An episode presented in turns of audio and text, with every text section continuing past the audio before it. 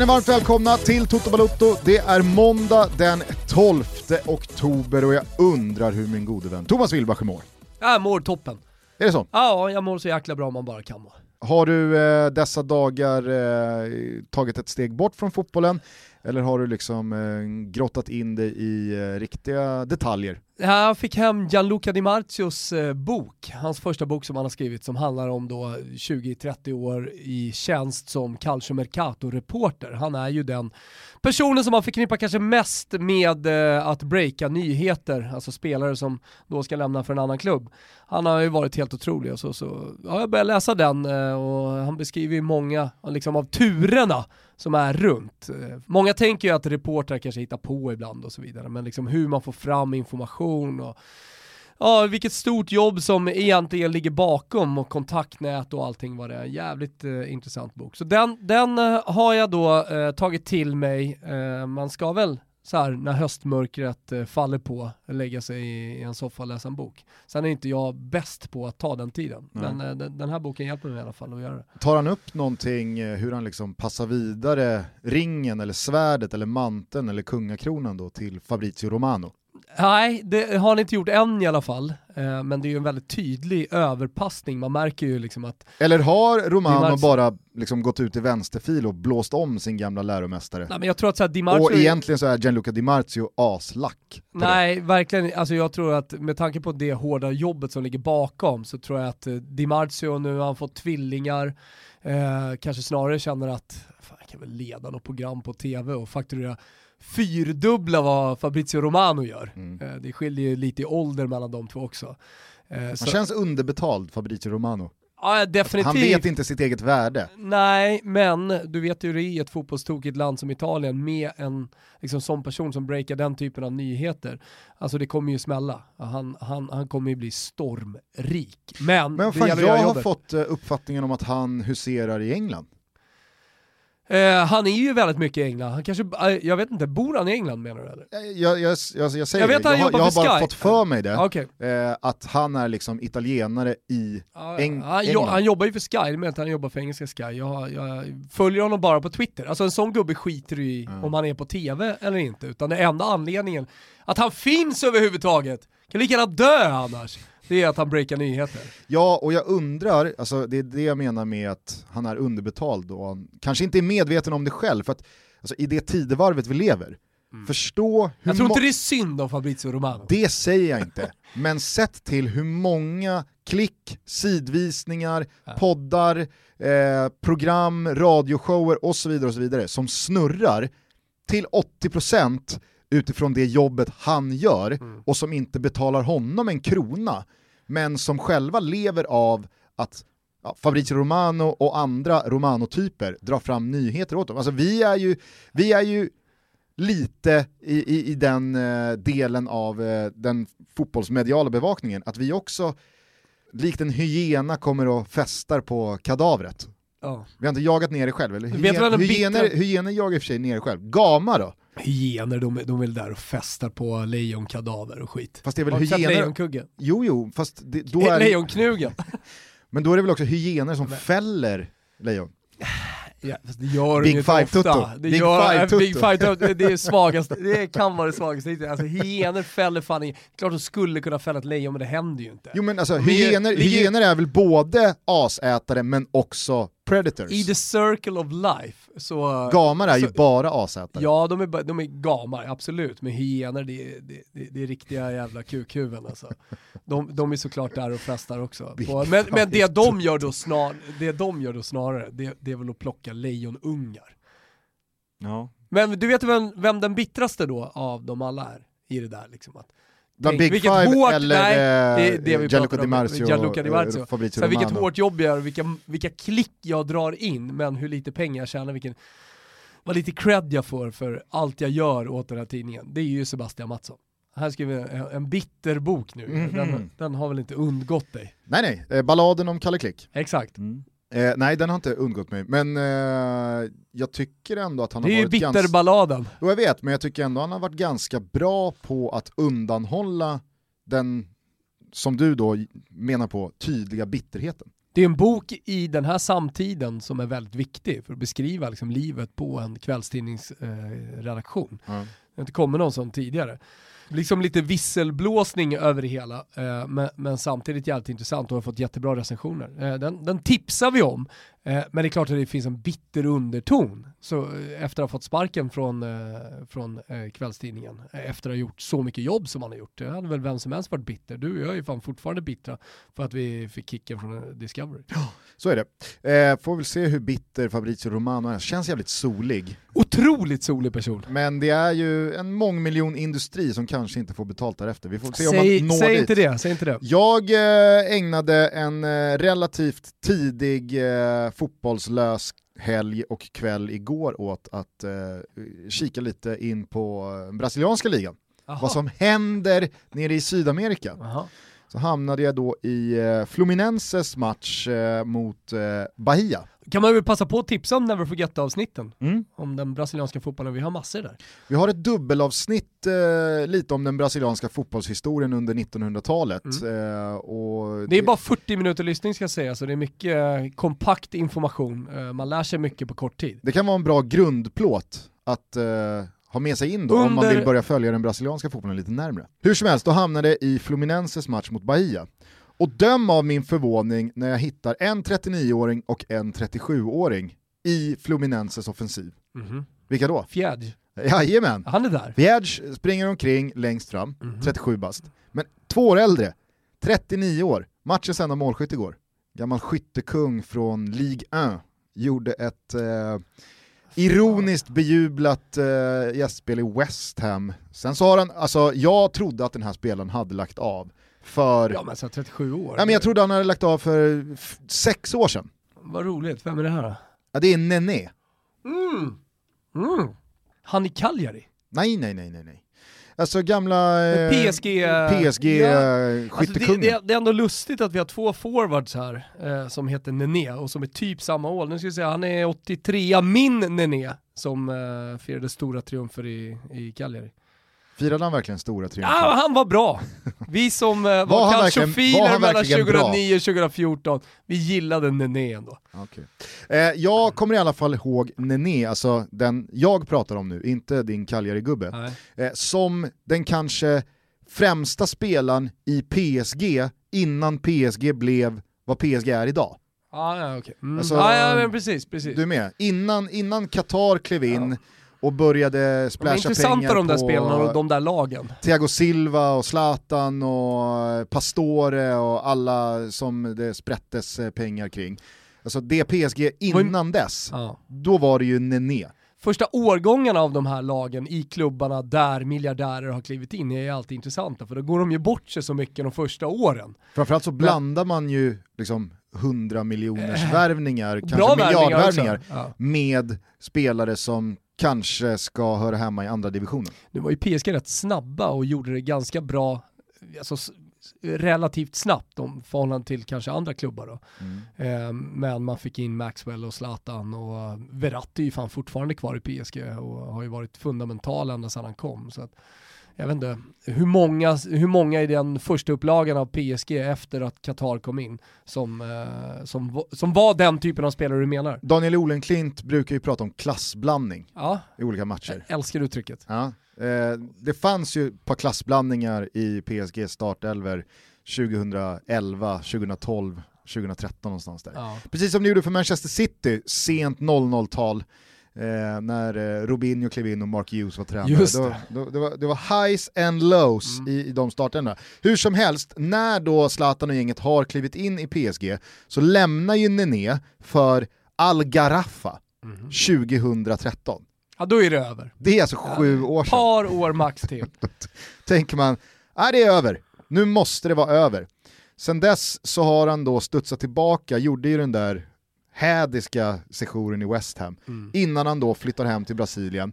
Eh, pumpar på med Vasco, Sao Paulo och sen två år tillbaka då Fluminense där han numera då huserar tillsammans med Fedge. Men, men, men, det är ju häftigt möjligheter, ändå. ja jag tycker det är häftigt också, men, häftigt och häftigt, men det, det är väl kul.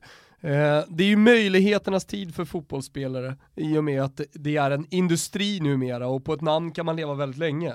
Jag berättar historien om Freddie Adu i, i Never Forget på, på onsdag. Där har du ju en spelare liksom som, som fortfarande lever i någon slags semiprofessionell värld. Så att, eh, ja. Framförallt så är det ju så att om man som spelare når en viss nivå, eller i alla fall ett, når ett visst genomslag, så kan du idag, till skillnad från 15-20 år sedan, så kan du ju kräma ut andra grejer ur det.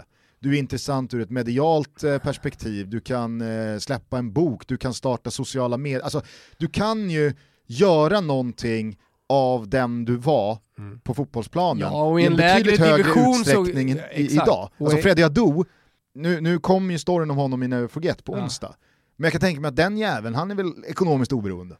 Ja man kan väl tänka sig det kanske, men sen allting han beror ju på hur mycket in... pengar man har slösat och hur, det går snabbt att bränna miljoner. Såklart. Och eh, men... vad man har haft för ekonomiska rådgivaragenter också runt sig såklart. Absolut, jag menar bara att Freddy Adu och Nené mm. kommer ju kunna mjölka sin egen spena Herregud, ja. i många, många år till. Mjölka sin egen spena. Du, från eh, brasilianska spenor till eh, vad som har hänt eh, i eh, landslagsfotbollen senaste dagarna. Vill du ha ett svep? Ja, det har varit eh, full fart på Nations League och inte bara, det har varit playoff, eh, Norge torska. Fan vad man mådde, måste jag bara säga innan du sveper igång Gusten. Vi kan väl återkomma till Norge, ja, vad det lider. Visslar vi igång det här Kimpa? Vi lägger den första delen av landskampsperioden till handlingarna och konstaterar följande, kolon. I halvtid nere i Kroatien igår konstaterade du, jag och superproducent Kim Wirsén att vi inte har en sportmössa mot lag som Kroatien, som med sin överlägsna teknik, kvicka fötter och kombinationsspel gjorde lite som de ville första 45 och aldrig riktigt stötte på någon slags patrull. 45 minuter senare satt man och nickade med när Jan Andersson konstaterade att det här mycket väl kunde ha varit hans bästa landskamp efter drygt 50 stycken innanför västen. För satan i gatan som det såg ut efter paus. Nu blev det ju som ni förmodligen vet en snöplig förlust med 2-1 efter ett misstag av Ponne, men Låt oss se det från den ljusa sidan. Emil Forsberg flöt runt i hålet mellan mittfält och backlinje och gjorde vad han ville. Kulusevski bara körde. Lustig och Ludde började gå utvändigt och invändigt. Marcus Berg tryckte igång och styrde pressen. Viktor Claesson kom in och slet upp hål och ytor och Albin rycktes med så till den milda grad att han till och med började kombinationsspela sig in i boxen och spela snett inåt bakåt. Och Kristoffer Olsson, ja vad ska man säga om denne Kristoffer Olsson? Vilket geni det bor i den lilla gummitarsan. Vad fan, jag har alltså skrivit fan, det ska vara fan. Men det kanske blir bra. Vad fan, oh, fan hände egentligen? I toppen av toppen i Nations League ser matcherna snarare ut att växla mellan allvar och vänskap. Hierarkin talar sitt tydliga språk och när jämbördiga elefanter brakar ihop så är det respektfulla kramkalas som tenderar att sluta oavgjort. 0-0 mellan världsmästarna Frankrike och Europamästarna Portugal. Mbappé fick sitt moment med Ronaldo och Olivier Giroud passerade 100 landskamper. Italien fick inte hål på Polen som i sin tur inte fick hål på Italien och Nederländerna gick samma öde till mötes borta mot Bosnien-Hercegovina. Mål blev det dock i båda burarna på Wembley där England vände 0-1 till seger med 2-1 mot Belgien. Och uppe i Reykjavik imponerade faktiskt dansken rejält borta mot ett erkänt hemmastarkt och svårslaget Island och vann med 3-0. Men den där första bollen, den var väl aldrig inne va? Världens bästa landslag Norge visade klassen hemma mot Rumänien och manifesterade med all önskvärd tydlighet var världsklassens epicentrum ligger både just nu och kommande decennium, nämligen på Ullevål i Oslo. Det är bara att ta av sig mössan, lusekoftan och träskorna, tvaga sig i svetten från Håland och sjunga Lasse Lagers lovsång. Vi var Norge! Mästerskap är bara för sopor. Från lördagen tar vi med oss knappa men klara segrar för Tyskland och Spanien samt att Liechtenstein nu bara kan lägga ner. Det är bara att skaka fram berörd Uefa-delegat och be om rätt mejladress för nu ska licensen skickas tillbaka. Det är bara att vika in hovarna, ta en dusch, tacka för sig och göra något annat av sitt liv. Torsk med 1-0 hemma. Mot Gibraltar. ja, då är det över. Vi är denna vecka sponsrade av Kia som vill slå ett slag för sin elfarenhet. Va? Det är Kias samlade erfarenhet inom elektrifiering. Det är ju nämligen så att Kia är en riktiga hejare på laddhybrider. Och just nu så är det extremt bra privatleasingspris på deras elbilar och laddhybrider. Från 2995 kronor i månaden så kan du köra Kias laddbara bilar. Mm. Och vi gillar att stötta Kia. Jättebra, men kan du det här med elbilar, laddhybrider och hybrider? Alltså skillnaden på de olika bilarna? Du får gärna förfriska mitt eh, minne. Ja, jag kan upplysa dig och jag tar hjälp av Kia, för de har ju en del elfarenhet. Vi börjar med elbilen då. Den släpper ut noll koldioxid, så det är ju såklart det bästa alternativet om man vill minska sitt koldioxidutsläpp. Va? Och det vill man ju, eller hur? Absolut. Mm. Elbilen laddar man via en laddbox eller en laddstation. Okej. Men hur långt kommer man då? Jo, med Kias senaste generation elbilar, till exempel Kia e-Niro och Kia e-Soul, så kommer man upp till 45 mil på en enda laddning. Och det är faktiskt riktigt långt utan att stanna på vägen. Det är hela vägen till eh, din sommarstuga till exempel ute på Hattudden Gusten. Absolut. Yes. Sen har vi laddhybrider, eller plug-in hybrider som man pratar om också. En sån bil drivs av både elmotor och förbränningsmotor. Bilen laddar på samma sätt som en elbil. Den är perfekt anpassad för sådana som varje dag pendlar kortare sträckor. Alltså jag som skjutsar, hämtar, lämnar. Jobben, mataffären. Alltså den, den är liksom perfekt för mig. Och med Kias laddhybrider kan man köra upp till 5 mil på el, vilket gör att du inte släpper ut någon koldioxid alls vid vardagskörningar på el. Och till sist då, hybriden. Precis som laddhybriden har hybriden både en el och förbränningsmotor. Skillnaden är att hybriden laddar sig själv under körning, alltså så att du laddar den inte via en laddbox eller så. Nu har du fått lite erfarenhet du också Gusten. Det är fantastiskt. Vi säger stort tack till Kia för att ni är med och möjliggör Toto Balotto. Stort tack. Ja men då är det över. Non si fan normale skriver man eh, i de italienska tidningarna Gusten. Man gör inte illa varandra. Nej. Alltså stor, stornationerna. Nej. Det handlar ju om att inte skada varandra. Alltså, Men och då menar jag inte fysiskt utan jag, jag menar totalt sett resultatmässigt också såklart. Men låt oss bara börja längst bak i svepet här. Mhm. Alltså, det, det finns ju förluster som ur ett sportsligt perspektiv är tunga och man känner ah, ett och ett halvt års kval eller tre års eh, putsning och finslipning och utveckling och så blev det inget mästerskap. Men typ likt Norge då, de har, ju, de har ju morgonluft i lungorna och vet att vad fan, vi har ju ett kanonlag på gång och kommer till slut nå det där mästerskapet igen och vi är på väg någonstans bra. Så ur den aspekten så kan jag tänka mig att det ändå finns någon slags tanke om att surt som fan, men det är bara att bryta ihop och komma igen. Liechtenstein, alltså torskar inte man, Liechtenstein varit ett, ett tufft motstånd de senaste åren? En svår nöt att knäcka likt Färöarna borta. Luxemburg är väl det lag Ja, som det har gått längst fram, men Liechtenstein har ju absolut varit ett av de blåbärsgängen som i mångt och mycket har fått vara ansiktet utåt för uttrycken det finns inte längre några blåbär, det är inte bara ställa Mm. ut skorna längre. Mot Liechtenstein. mot liksom, de här länderna, Andorra, Liechtenstein, eh, Lux... Alltså hej, såg du inte att eh, Andorras eh, U21 spelar 3-3 mot Englands U21? Med alltså Callum Hudson och Doy och eh, Enketia. Såg inte det. Nej, men det, alltså, du vet, Det gjorde de. det gjorde de sannoliken. Sen så är det bara en match och det är ju vad det är. Jag lägger ingen större vikt vid det. Andorra kommer inte slå sig in bland de stora drakarna.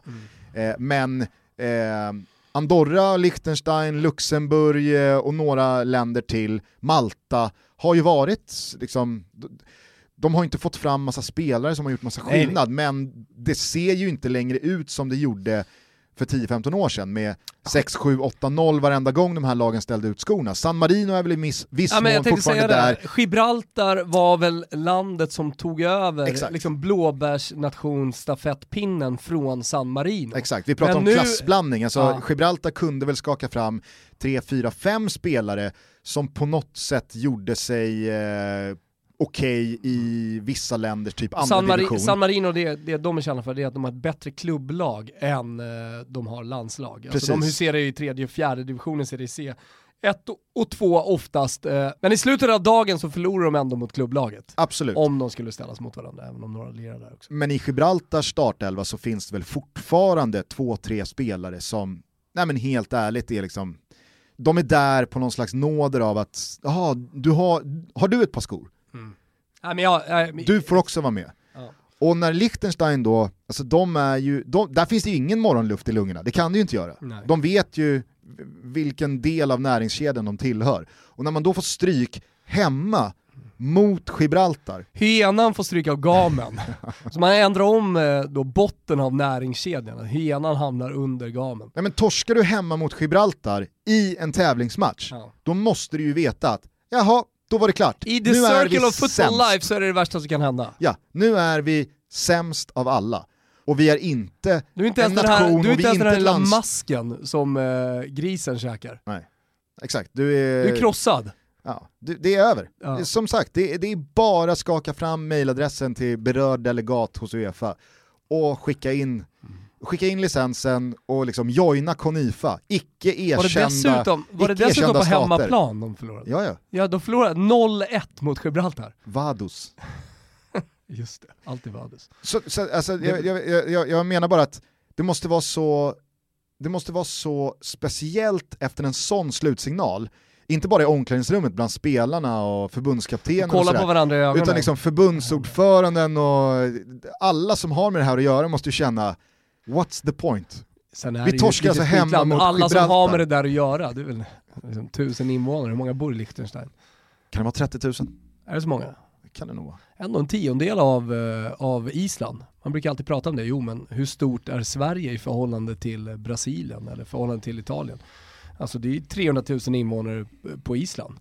I Liechtenstein bor det eh, 38 749. Bra gissat Gusten. Ja, tack. tack. Eh, 160 kvadratkilometer i Mm. landet. Ja. Det, är, det är typ, liksom, alltså, eh, Jan Guillou äger ju mer mark. Garanterat. Det gör han ju alla gånger. Nej men, eh, det, det, alltså, du förstår skillnaden i eh, nedslagen känsla. Mm. Ah, ja, nej, jag, men- var på, jag var på eh, division 3-kvalet mellan Rådmansö SK och. Spånga IS i lördags. Gick det då? Nej, Spånga grisade ju sig till en, en 1-0, så för Spånga lever det ju fortfarande att fortfarande spela division 3-fotboll 2021. Fina De andra lagen- playouten, Exakt. det de heter. Ja, Spånga är ju där playout, men eh, Rådmansö, Bollstanäs och Unik, Mm. på Asbagis gamla klubb Ah. eh, från Uppsala-området, eh, de kvalar då uppåt Mm. för då en plats i trean. Så när eh, Rådmansö då torskar kvalet mot eh, Spånga så är det ju i princip över för dem. Nu, de kommer inte vinna den. Det är ju fyrlagsgrupper numera Nej. än så här dubbelmöten. Men de var nykomlingar i fyran i år har jag förstått. Classifica avulsa. Jag gillar att slänga mig med lite italienska termer ibland. Bara Just rätt det, i det gör du. Ja. Det har jag nästan glömt bort. Ja, exakt. Jag ska Eh. börja med det lite mer nu. Där fick man ju verkligen känslan av att, äh, vad fan boys, det regnar, det är kallt, det är lerigt, vi är nykomlingar i fyran, vi kanske inte var redo för trean, för det var de sannerligen inte. Helskotta va, vilken usel fotboll som presteras på den där planen. Eh, och det var lite polare och tjejer och svärföräldrar runt plan som, eh, det- var liksom inte, det var, det var ingen hetsk stämning, utan det kändes som att, ja ja, vi, vi, det kanske är lika bra att vi är kvar i fyran och vinner lite matcher, Mm. snarare än att vi blir trea och så blir vi strykpåsar och det blir längre bortamatcher och ja, det ena med det tredje. Eh, så det finns ju verkligen en skillnad på hur man tar tunga förluster. Men Liechtenstein, eh, jag tror verkligen att de överväger just nu idag, ska vi fortsätta? Toto Balotto är fortsatt sponsrade av våra vänner på K-Rauta och hörni, golvveckorna fortsätter. K-Rauta har golv för alla med bra erbjudanden på textilgolv, gedigna trägolv, parkett, klinkers, vinylgolv med mera. Det är just nu 20% rabatt på till exempel laminatgolv från Barry Allock och även rabatt på textilgolv. Glöm heller inte att ni via K-Rauta kan ta hjälp av projektplanerare för att få råd och tips och hjälp med materialberäkning och beställning. De är proffs. Jag och många av er som hör det här är det inte, så varför lura er själva och tro att ni kan lösa biffen helt utan hjälp, va? Ja men det är väldigt enkelt också, det måste jag säga med K-Rauta. Till exempel nu så har de ju click and collect golv och då kan man lägga sin beställning på krauta.se och sen hämta ut varorna utan att lämna bilen i deras drive-in. Så du ser, nu är jag en person som gärna går in på K-Rauta, tar hjälp av deras projektplanerare och sådär. Men eh, det är ju smart för de som kanske inte vill lämna bilen. Ja, men det låter ju nästan som att vi, vi är något halvår bort bara innan man kan knäppa med fingrarna bara, så ligger det ett nytt fräscht golv eh, av K-Rauta hemma hos en. Ja, om det ska ske någonstans så är det ju faktiskt på K-Rauta. Hörni, jag vill också tipsa om vår tävling som vi har på Instagramkontot där man kan vinna ett verktyg från Ryobi. Såg du Gusten att jag la ut en pixlig bild senast? Det såg jag. Ja, Stoltheten man kände. stoltheten va? Gåshud. Gåshud. Eh, hur som helst, den här tävlingen pågår till den 15 i tionde, så några dagar till eh, vara med och tävla. Och man ska då tagga en vän på vårt Instagramkonto, det är väldigt enkelt. Gör det! Golvveckor på K-Rauta, varuhus runt hela landet, öppet sju dagar i veckan, eller krauta.se, öppet 24-7. Vi säger stort tack till K-Rauta för att ni är med och möjliggör Toto Balotto. Stort tack! Eh, ska vi till Kroatien eller ska vi till eh, Norge? Jag tror, jag tror att är väldigt många eh, som ändå har Sverige, Kroatien fortfarande liksom färskt. Man diskuterar det på sina arbetsplatser och med sina polare. Så mm. jag, jag, tycker att vi kastar oss över matchen. Har du något intressant att säga ens om den? Nej, jag, jag måste ändå börja, som jag var inne på i svepet, eh, i, i, i det positiva. Alltså på, på durtonerna. Herregud vilken andra halvlek. Den 30 30-35 minuters perioden som Sverige har eh, några minuter in i andra halvlek fram till 2-1 Kroatien. Bästa jag har sett av ett svenskt landslag i en tävlingsmatch sen eh, Frankrike borta mm. i någon av Jan Anderssons eh, tidigaste kvallandskamper och då är det alltså hösten 2016. Mm. Men återigen så jävla viktigt, vilka, vilka spelare placerar in i ett system? Det kan vara samma 4-4-2, det spelar liksom ingen roll. Sätt in eh, andra spelartyper, i det här fallet då fötter, eh, väldigt mycket fantasi och ett överflöd av idéer skulle man kunna säga. Eh, med Kulusevski, Foppa, du nämnde Kristoffer Olsson tidigare, men dessutom får man inte glömma bort att även om Albin Ekdal är en balansspelare så är han född, uppvuxen i BP, som är, alltid är spelande lag eh, tekniska lag. och efter det så har han då eh, lärt sig allt i den italienska skolan. Eh, och Albin Ekdal har ju alltid haft en bra spelfördelarskills i alla lag som han har, han, han har lirat i. Sen i den här miljön så är det inte hans fötter man tänker på. Det, är, det är inte hans eh, spelfördelning som är det centrala utan där är han snarare då balansspelaren i landslaget som får ihop allting och så kanske ger möjlighet för Kristoffer Olsson att vara lite mer av en pillo på planen såklart. Eh, men när även han involveras i det svenska anfallsspelet så som du nämnde, då tycker jag att så här, då, då har man hittat en trygghet i det också. Alltså, då, har man, då har man tagit det ett steg längre. Exakt, inte bara en trygghet utan snarare en utveckling. Ja, ah, exakt. Alltså Albin, jo men det, det ska finnas en trygghet Albin... i den utvecklingen som man vågar spela det ah, spelet ja. som man gör. Självklart. Men det blir ganska talande när spelare, till och med som Albin, kombinerar sig in med fart i boxen mm. och det är liksom Eh, det, det, ser man inte speciellt ofta. Nej, jag tror det skickar signaler till resten av laget också. Eh, att, att man fortsätter att våga. När man tittar, som Kulusevski och Emil Forsberg säger efter matchen, ska titta på positiva bilder från det här och liksom ta med oss det in i, i nästa match. Eh, alla vet om det, det, det är mot VM-tvåan, Det är mot ett av världens absolut bästa landslag som vi spelar på det sättet. Jag tycker också det, det blir symboliskt i, i Kroatiens rädsla för Sverige under den andra halvleken. Den respekten de har, sättet de backar hem på och att vi ändå lyckas kombinera oss vidare och kombinerar oss fram till eh, målchanser. Och sen så den otroliga höjden som finns i vårt lag med framförallt Kulusevski men för all del Emil Forsbergs nyfunna självförtroende och form också. Jag tyckte Emil men, Forsberg var... Alltså, jag tycker han var bra, men, var riktigt, men alltså, så här, jag, jag, jag, ty jag, tycker också att han var riktigt bra i andra halvlek.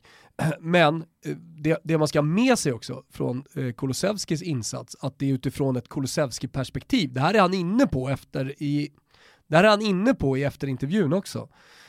Att det, jo men det känns väl okej, okay, men jag kan så mycket mer ändå.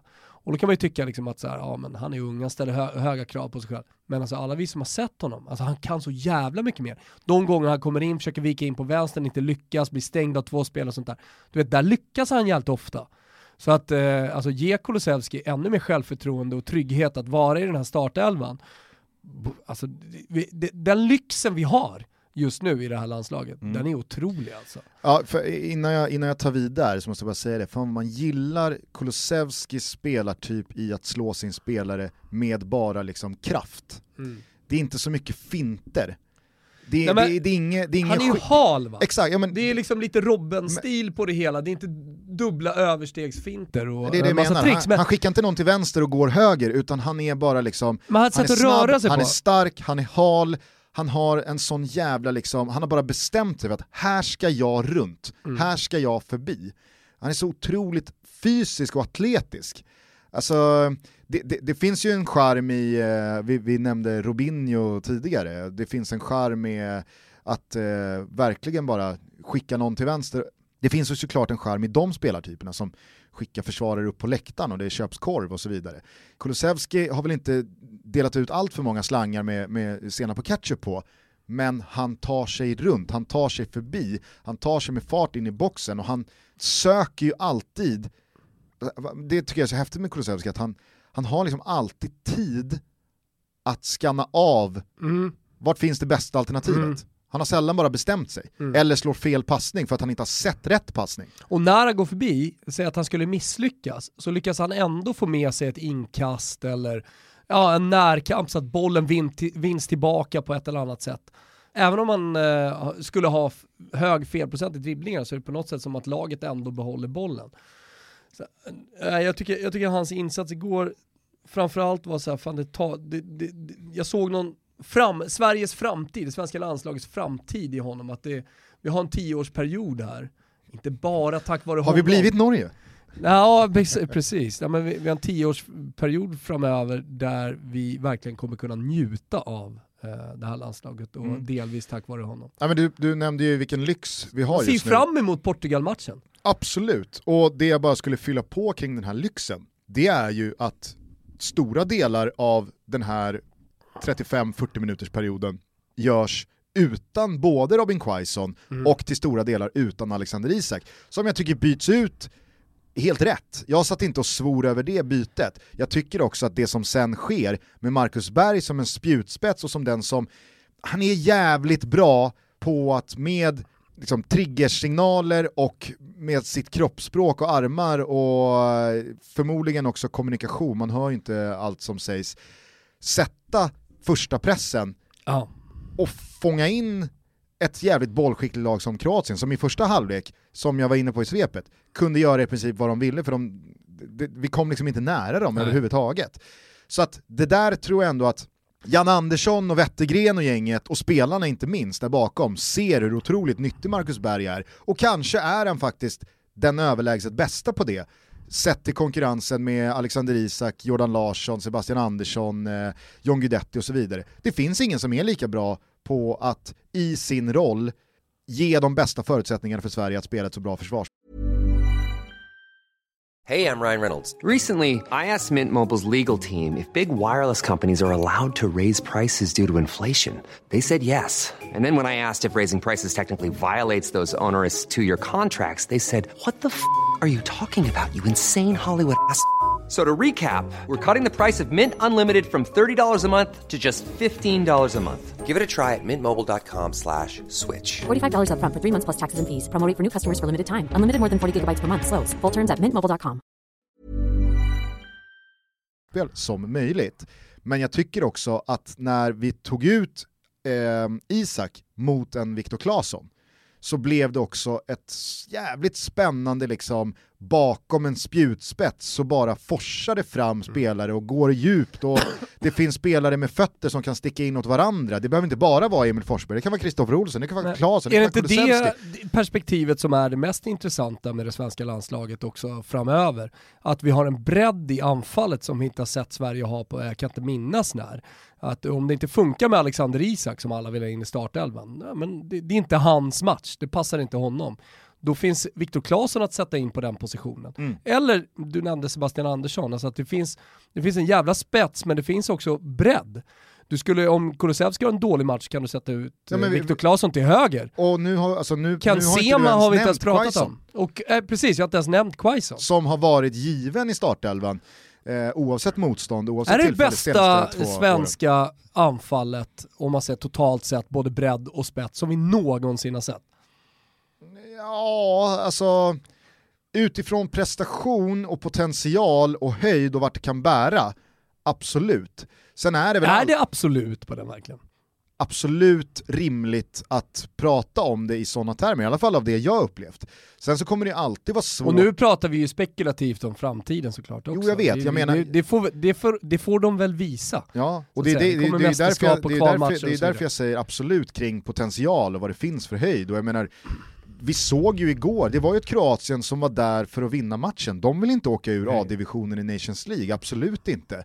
Och det är Modric och det är eh, Pasalic kommer in och Kramaric kommer in och eh, du har Kovacic och Brozovic, alltså du vet så här, det, det, det var ingen roterat eh, halvdant gäng Nej. de ställde på banan. Eh, sen så kanske det inte är den absolut bästa årgången av Kroatien, eh, den kanske de hade för två, tre år sedan. Mm. Men det är ett Kroatien som är riktigt, riktigt bra, Ja. som Sverige visst har problem med i första halvlek, men sen tämjer och sätter rejält i skruvstädet och går ju för segern. Jo men det, det är väl det det som är grejen, det, det är väl det som är grejen. Alltså, så här, vi, har, vi har förlorat eh, med ett mål borta mot stora nationer tidigare, men det är sättet vi förlorar på, det är det man tar med sig härifrån. Att, eh, att vi har rätt och fortsätter att faktiskt att gå för segern. Ja, ja. Och sen så kommer man kunna ta med sig, titta tillbaka på att vi borde haft en straff som var solklar, behöver inte prata så jävla mycket om. Eh, men eh, det är ju i allt som allt ett, eh, ett försvarsmisstag lite grann av Ponne, men, men där, vi sätter oss i de situationerna att vi är sårbara för kontringar. Alltså, normalt sett så är Sverige ett kompakt försvarande lag. Alltså, Vi åker på väldigt lite kontringar mot den här typen av motstånd, den här typen av anfallare. Eh, så så det, är ovanligt för våran backlinje att försvara sig mot, eh, mot en snabb, snabbt, perfekt slagen eh, djupledsboll som kommer. Ja, ah, jag vet fan, jag vet inte ens om jag tycker att det där är en kontring. Alltså, de lyfter den långt bakom och det är ju ett misstag. Alltså så här, 99 gånger av 100 så blir det ju där inte ens en situation. Det är en bra boll. Det, det, det, det är ju Ponnes beslutsfattning och vart han hamnar som gör den bra. Den, den är ju inte, alltså, jag, jag, vet, jag vet inte riktigt vad som händer, det tror jag inte, det tror inte Pontus Jansson vet heller. Vad fan hände där?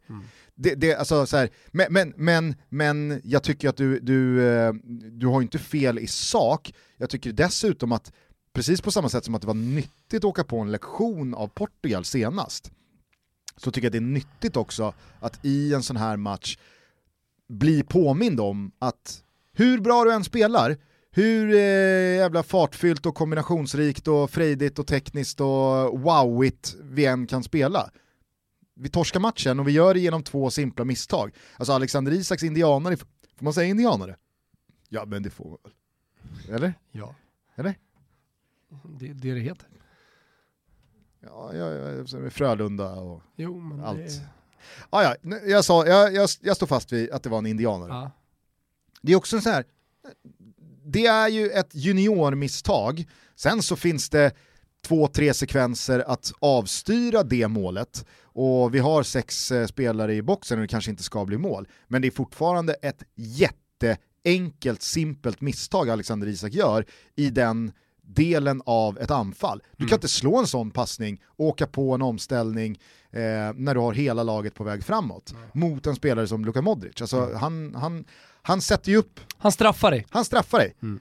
Och Ponne kan inte göra ett sånt där misstag, för då blir det mål. Ja. Mot två spelare som Kan det är Perisic och... händer. Ja men Men såklart, du fattar vad jag menar. Ja, ja. Att jag tror att från igår så tar jag i alla fall med mig att hej, Sverige kan uppenbarligen mäta sig med några av de absolut bästa. Men det blir också, alltså att bedöma mittbackar efter, eller målvakter efter misstag, det gör man och det kommer vi fortsätta göra i och med att de är i utsatta positioner. Men märk väl, det var inte det jag Ponne gör gjorde. ju, Nej nej jag vet att du inte gör det men det är många som gör det. Såklart. Eh, För att folk Ponne gör 90 som- plus 3 folk är som är, grunda. eh, 90 plus 3 som är fantastiska.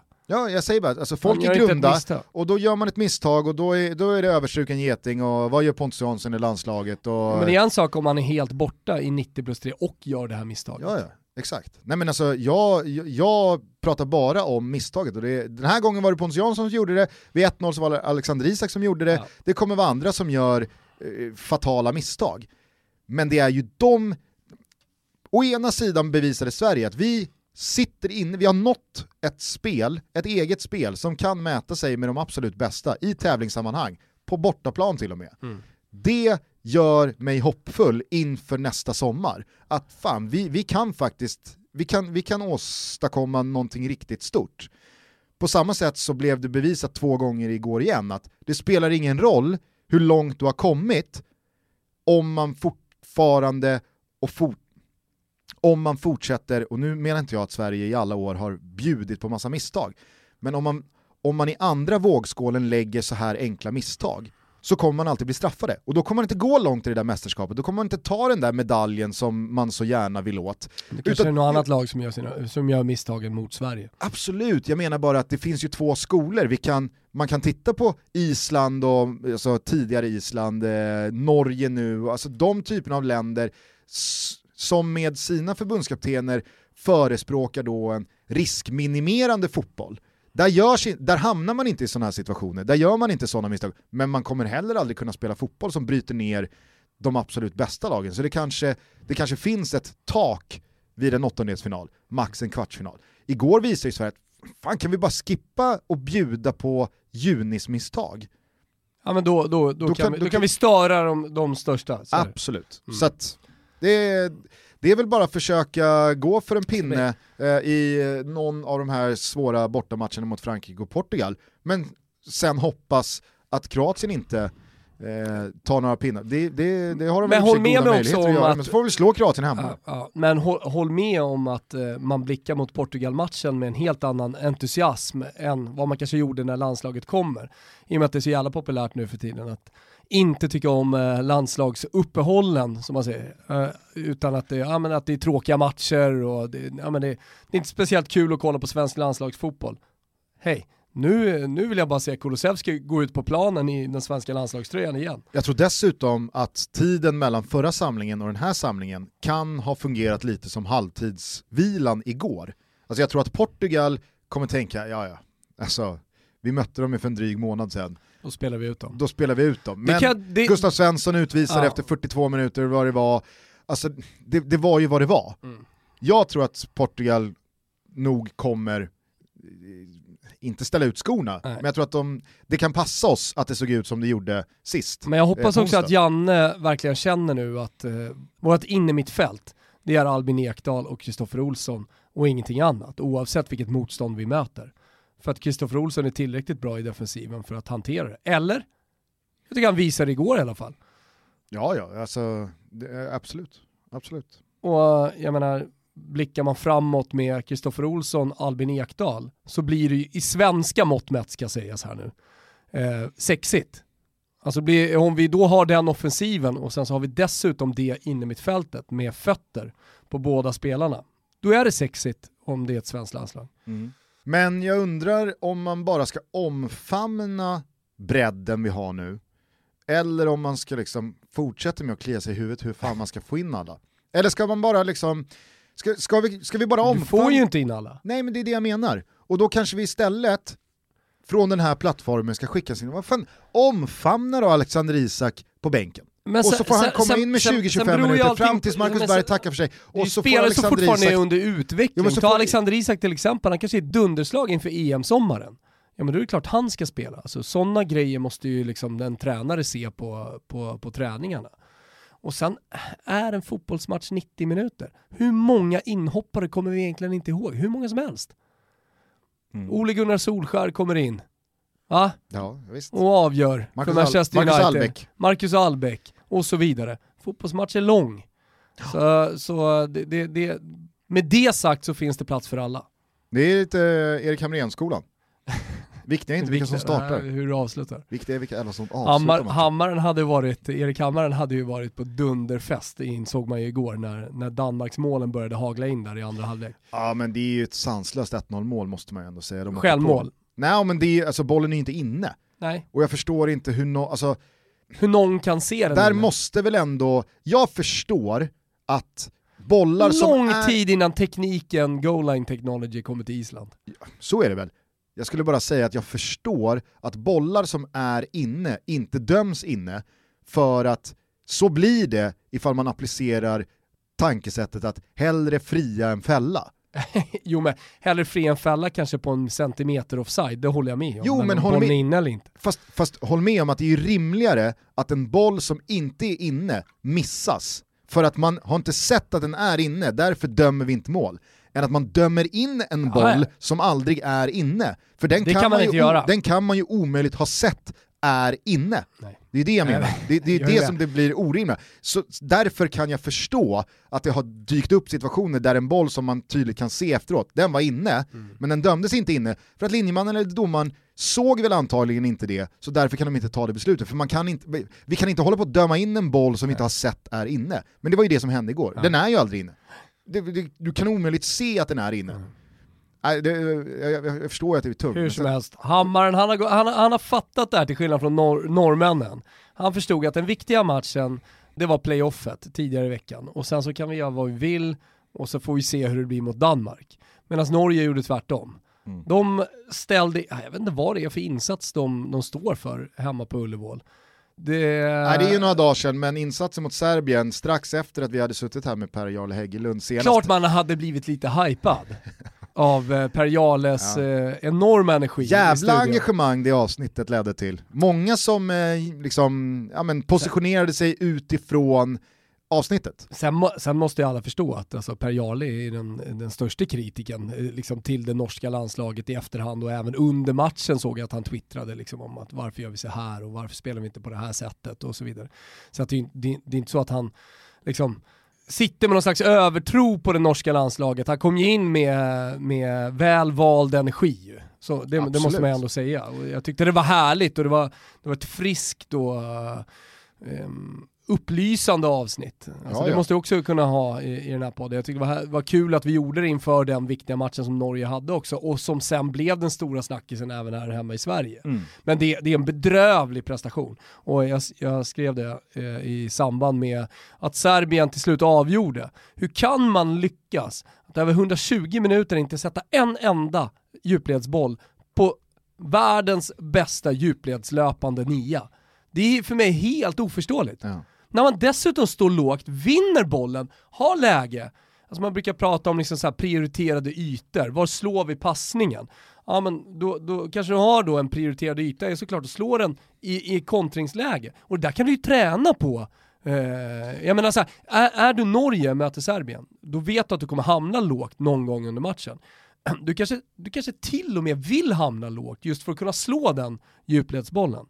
Men att man varje, varje gång saktar ner, väljer bollinnehavet, väljer att hålla i det. Det är för mig helt jävla oförståeligt. För där tycker jag även Lasse Lagerbäck borde liksom ha varit, kunnat vara betydligt mer cynisk. Och, och, och sett på sina alltså, tillgångar. Vad är det för talanger vi har här? Jo, vi har världens snabbaste spiss. Ja men då slår vi bollen på spissen. Men det var inte det jag pratade om i avsnittet med Per-Jarle. Jo. Sa det, alltså, kanske är Lasse Lagerbäck fel man på fel plats. han måste, alltså, Utifrån vad för det mig är han fortfarande det, cynisk. Alltså att slå en djupledsboll lite då och då på en snabb spelare. Dessutom två stycken liksom, djup, djupledslöpande, duktiga i Sörlott också. Duktiga nior.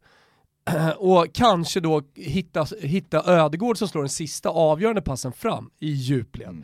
Men man misslyckas varje gång. Ja, men Och man Ödegård vä- hade inte ens bollen. Men lyssna, framför, fra, nej, och, och det är ju det är ju nästa grej, så här, hit, hitta en position för honom där han kommer rätt då. Han, han söker boll hela tiden, som ni på Simor visade också i, i bilderna, liksom, att han kommer, och, kommer ner ganska djupt, söker boll. Men jag pratar ju om omställningslägena som man får. Hitta upp till honom så slår den, eller slår den direkt från den bollvinnande spelaren på en prioriterad yta. Det, är, det är ofattbart och det, alltså så här, det har inte så jävla mycket med det du sa att göra, utan det handlar om att vara cynisk och förstå en matchbild. Och där tycker jag väl ändå att Lasse Lagerbäck borde liksom ha kunnat gjort det bättre. Ja absolut, och, och, dem det, går, det. går väl, det går väl Som att de inte att, hade en idé om att kontra. det går väl att på jättemånga sätt eh, belysa hur fel det blev eh, för både Lagerbäck och Norge i den där matchen. Men det jag menar och jag tycker den matchen underströk, det var ju att okej, vi har de här eh, egenskaperna och spelarna att tillgå.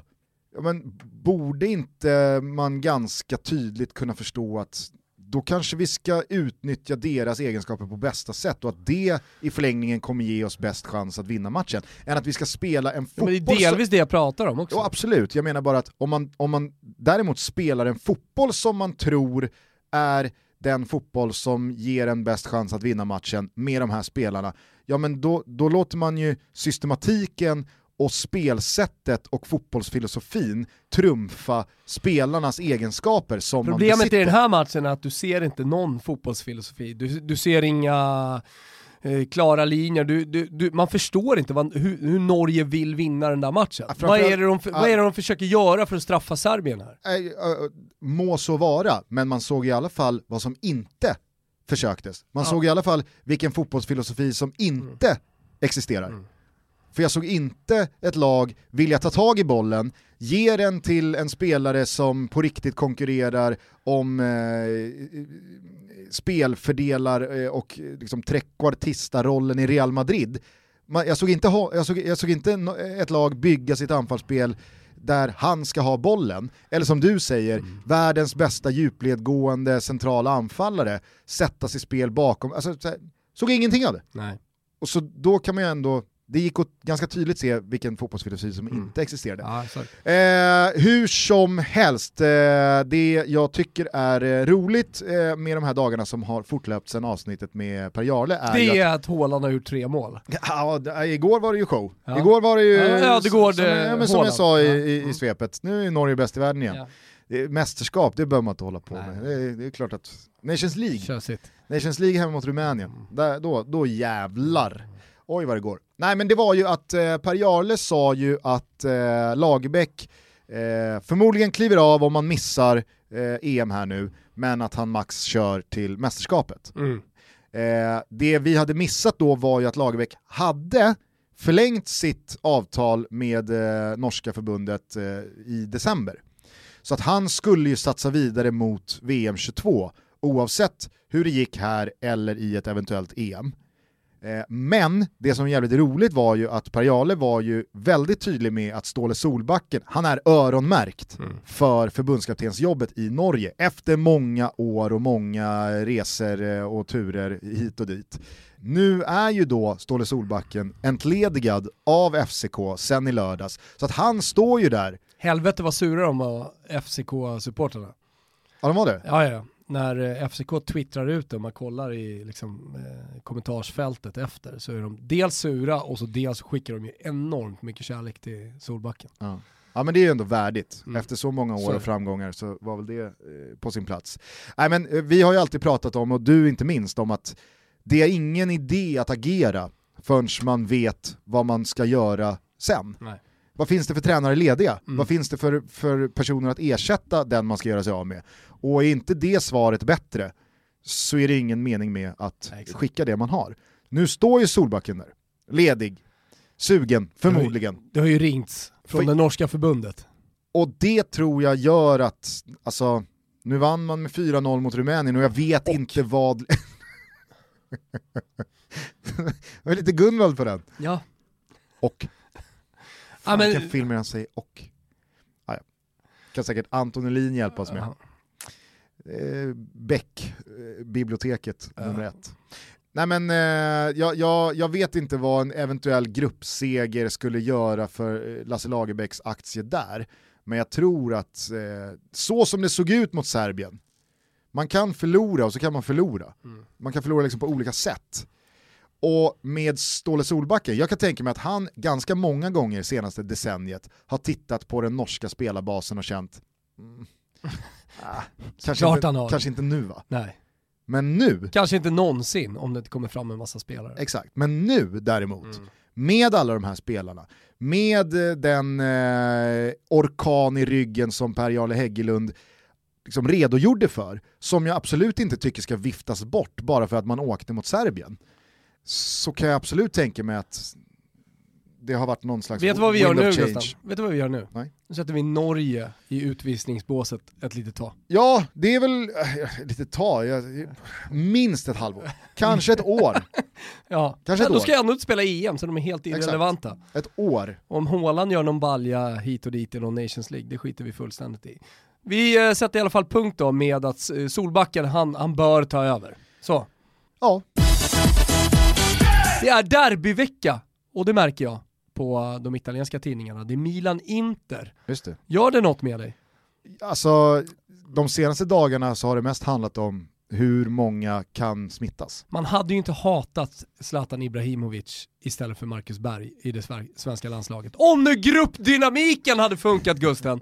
Helvete vilket lag det hade varit. Jag läser då rubriken här, de har pratat om den här matchen i tre, fyra dagar i För italienska. övrigt, innan du fortsätter, Ja. måste jag bara, nu, nu nämnde vi inte det, och jag kan inte dra mig till minnes att någon annan i, kring sändningen igår nämnde det.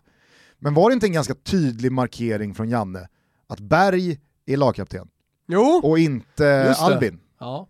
Som ändå har vikarierat som lagkapten tillsammans med Sebbe Larsson här senaste åren Visst när Granqvist inte har varit i spel. Det är ändå liksom så här, inte bara Känslan utifrån är ju att Albin Ekdal är en mycket bättre lagkapten. Han borde vara lagkapten. Ja, men sättet han tar media, sättet han liksom spelar på, hur han är på planen. Men även utanför planen, det vi ser i alla fall. Ja. Ja. Eh, tydlig markering, eh, och det markeras tydligen från Zlatan också, för jag läser bara rubriken, jag tyckte det var roligt. Ibra springer och gör mål, hungern är densamma som vanligt, han skriker på ungdomarna, Milan ler. Så att, eh, alltså det, det är sådär, alltså, man, man ska då försöka bygga upp någonting positivt. Så, ja, vad är det som händer? Jo men han springer och han gör mål och eh, han har samma hunger som alltid. Och så skriker han på ungdomarna också. Milan ler. Ja. Det, det är det. Så när Zlatan inne på träningsplanen som skäller ut ungdomsspelarna, då, då vet man, då mår, då, då mår i Milan så bra de bara kan må. När, när Zlatan verbalt börjar liksom köra över en Ja, men- 18-åring, Ja. finns ju ingen i Italien som problematiserar det. Eh, ingen överhuvudtaget. Det är, det, är, det är som det ska. kommer inga sommarprat eh, i, i Italien om hur, hur Ibra har varit på träningarna. Ja, Man hör ju det mycket av de ungdomarna som är där också, alltså, allt från Rebic, som kanske inte är så mycket ungdom men ändå, eh, till Liao. Det, det är liksom, de bara ser och lär, de älskar honom och de gör som han säger och det, det är fantastiskt att bara få vara i samma lag som en sån stor mästare som Zlatan. Så som du säger, eh, man problematiserar inte i Italien, men de kommer från andra fotbollskulturer där det kanske är större hierarki om man tittar på ja, dels ålder men också vad det finns för spelare i, i här, härlagen. Eller så vågar de inte säga något. Om man kollar på hur Milan har spelat under Zlatan Ibrahimovic så är det ju svårt att hitta någonting negativt med hans eh, närvaro. Jag, vet inte, jag kommer ihåg en match borta mot eh, Fio i våras. Jag älskar ju när han slängde Gattuso i soptunnan. En av, en av de bästa ögonblicken, en av de bästa minnen jag har från Zlatans karriär. Ja. När de frågar mig så här, ah, vad gjorde Zlatan egentligen om, om 30 år? Hur bra var han? Då, då, kommer jag, då kommer jag berätta om när han slängde Gattuso i soptunnan. Han har inget att sätta emot eller man kan säga att han sprattlar. Ja, ja, visst. Eller hur? Huvudet där nere i botten, Ja, eh, benen bara. Ettrig, vill upp. Eh, nej, men jag kommer ihåg den här matchen borta mot Fiorentina i våras. Då var det, alltså då, då var det ju skräckvälde ute på plan. Det var inte en spelare i Milan som vågade göra annat än att passa Zlatan. Nej. Hur dålig position han än hade. Och någon som försökte med något annat sig en sån jävla Du vet den där utskällning. ihopbitna lilla minen som man gör och så daskar han sin stora handflata mot den andra. Mm, skulle ha spelat med mig där. Du vet. Ja, ja, visst. Så att nästa gång så istället för att skjuta när läget är givet för Milan-spelarna att skjuta så passar han istället och så blir det en passning rätt i gapet på någon annan så åker man på en omställning så Men det har ju landat fel. i någonting att alla har fått ut sin fotboll. Ja, det är i alla fall derbyvecka, det vill jag säga. Det är derbyvecka och då pratar vi alltså om Milan mot Inter, Derby della Madonnina spelas på lördag va? Mm. Vi håller lite koll på då det jag nämnde initialt här eh, kring smittospridningen.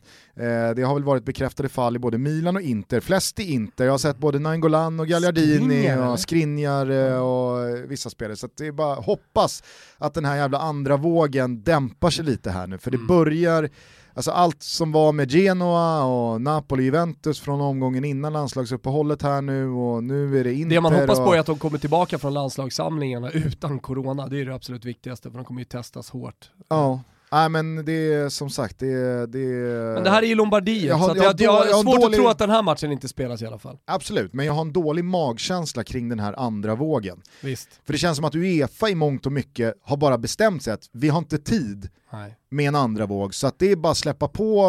Blundar. Det är bara att släppa på Skygglappar. biljetter till Champions League och Nations League och Europa Såg ju League. Och... polackerna igår. Exakt, får vi väl se vart... Tredjedel fylld. Ja. Men vi får väl se vart det landar då med Gåshud när polska, polska ekade. Ja. Det, det var, det var Trodde man inte att man skulle ha gåshud för. Satt jag i soffan. sänkt ribba för Med gåshud. Men det var ju gåshud samma sak, alltså, det var samma sak i Paris där med Allé Le Bleu. Ja. Dundrades på rejält. Fin den är, Allé Le Bleu. Ja, men har en tendens att överanvändas. Allé Le Bleu. Det är som eh, Barca, Barca, Barca. Ja, fast det, Har där, något. där, ja, Fast när den den spel- har fan inte Fast när mycket. den, om den hade spelats en gång per hemmamatch så hade den haft något. Men Nej, den är så urvattnad. det. Det går, det går inte att jämföra med Allele bleu som läktarramsa. Det, det går Fast det, så att säga, Allele Bleu är ju, det är ju en lite bättre variant än Sverige. Sverige. Ja men, men det lilla Sverige. gör ändå stor skillnad. Sverige. Jag tycker inte Sverige, Sverige. i rätt tillfälle, i rätt del av matchen, Sverige klapp, klapp, klapp, är så dålig ändå alltså. Nej, det är inte det jag säger. Nej. Saker och ting får inte Men överanvändas. Barca, Barca. Oninga. Alltså.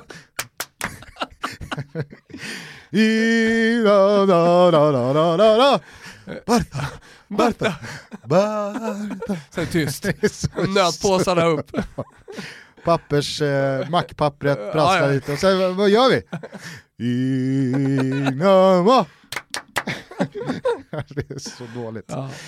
Eh, det var väl det hela va? Ja, ni som undrar vad fan ser man all den här fina fotbollen? Ja, det är Portugal-Sverige, sen så är det Milano-derby bland annat och det är ju Simor som är kanalen, eller hur Gusten? Precis, och på söndag så fortsätter Fotbollssöndag Europa precis som vanligt. Då tänker folk, jo men vadå, Portugal-Sverige ser man väl på liksom en större kanal? Jo det gör man, men då missar man ju en hel del av eh, mellansnacket och sånt där. Så jag tipsa då om att Simors sändning är bättre än storkanalens sändning. Ja, ja. Så du får mycket mer. Absolut. Mm.